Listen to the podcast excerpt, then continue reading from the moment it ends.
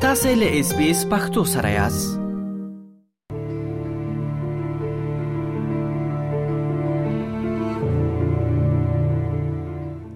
په استرالیا کې خپل کور څنګه خوندي ام ګرم ساتل شي ساسو د کور ګرمولو لپاره د حرارتي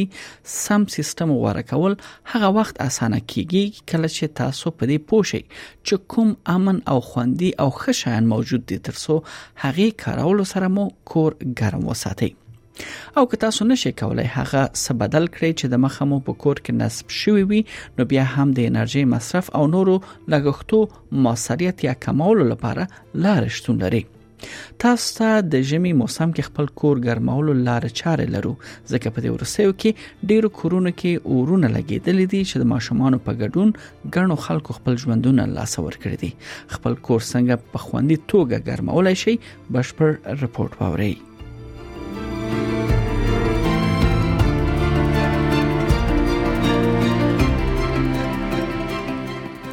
د استرالیا کورونه عموما د شمالي نیمه کورې نورو هیوادونو څخه د ګرمولو سیستمونو نصب برخه کې ډیر وروسته پاتې دي په آلمان کې زیږیدلی ډاکټر سوین ټسک د ټکنالوژي سیدنی پانتون کې د دوامدار راتلونکو انسټیټیوټ کې همکار پروفیسور دی او سیرونکې هم دی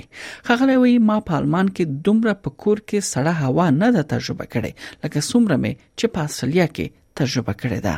I have to say, I'm coming from a very cold country, but I never ever uh, freeze so much at home as in Australia because there's simply no heating system installed. And one of the reasons for that is probably that the heating period is very short. It's only like three months maximum, while the heating period in Europe, where I'm from, is between eight and nine months. So the necessity of implementing heating systems is not really as pressing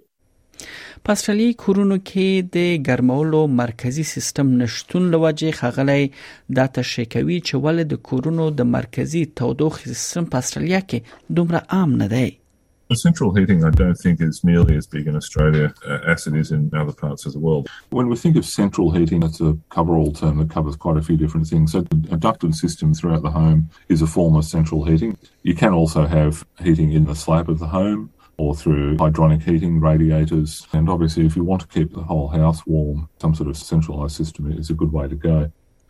خغله وایي چې په استرالیا کې ډېری خلک په دې نه پوهیږي چې د تودوخې مرکزی سیستمونه ډېر لګ لګښت لري او کورونه په یو ډول هوا کې ساتي بل خو ډېری کورونه د سپلټ سیستم لاره کورونه ګرموي چې دا لزان سره د انرژي برخه او یا د برق ډېر زیات لګښت لري are relatively expensive to install. And you really want to make sure that you actually want that sort of heating system in your home and that you're using it effectively. It's often more cost effective and energy efficient to only heat the spaces that you're actually using. So that may mean, you know, having for example, a few split systems you know, throughout the home that you can turn on or off as those parts of the home are being used, or indeed a, just a, a simple portable electric heater بل خو هغه کورنۍ لپاره چې د اخراج څخه پاک تودوخه تولید ته لیواله دي هغه لپاره هم ډیر اختیارونه شتون لري مګر ډیری کرایه کوونکو ته په اسانۍ سره بیا د اسانتیاوي د لاسرسي وړ نه دي ځکه چې دوی دا نشي کولای خپل کورونه کې نصب کړي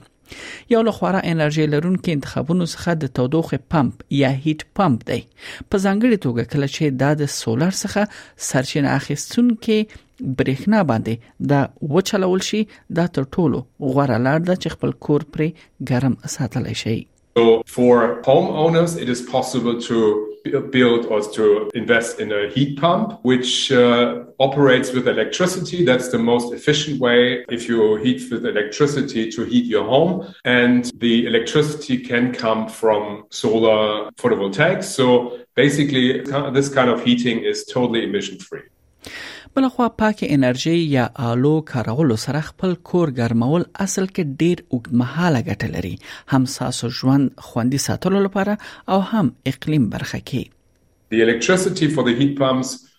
should be produced by solar panels that has many advantages one the homeowner can actually produce themselves and therefore is independent from electricity market prices secondly the electricity can be stored and therefore you can use the electricity whenever you need it, but you still um, can store it a bit. That's sort of an alternative to a battery system as well.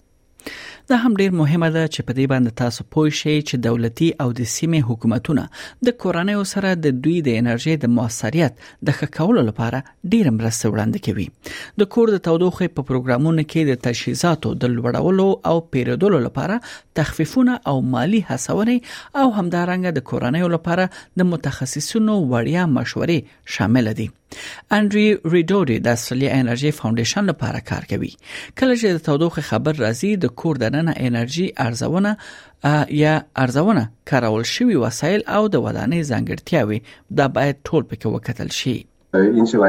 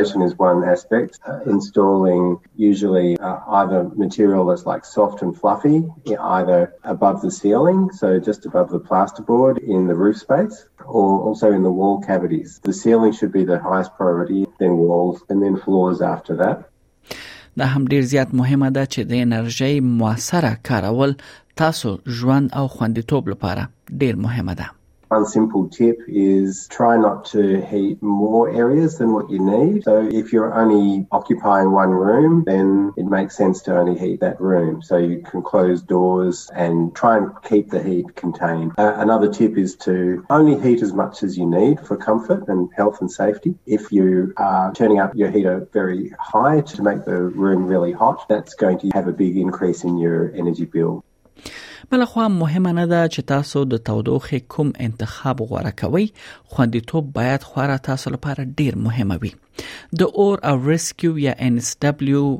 کوم اداره چې د داغي په وینا په یخ میاش کې د کور د اورونو په شمیر کې لس سلنه زیاتوالی لیدل کیږي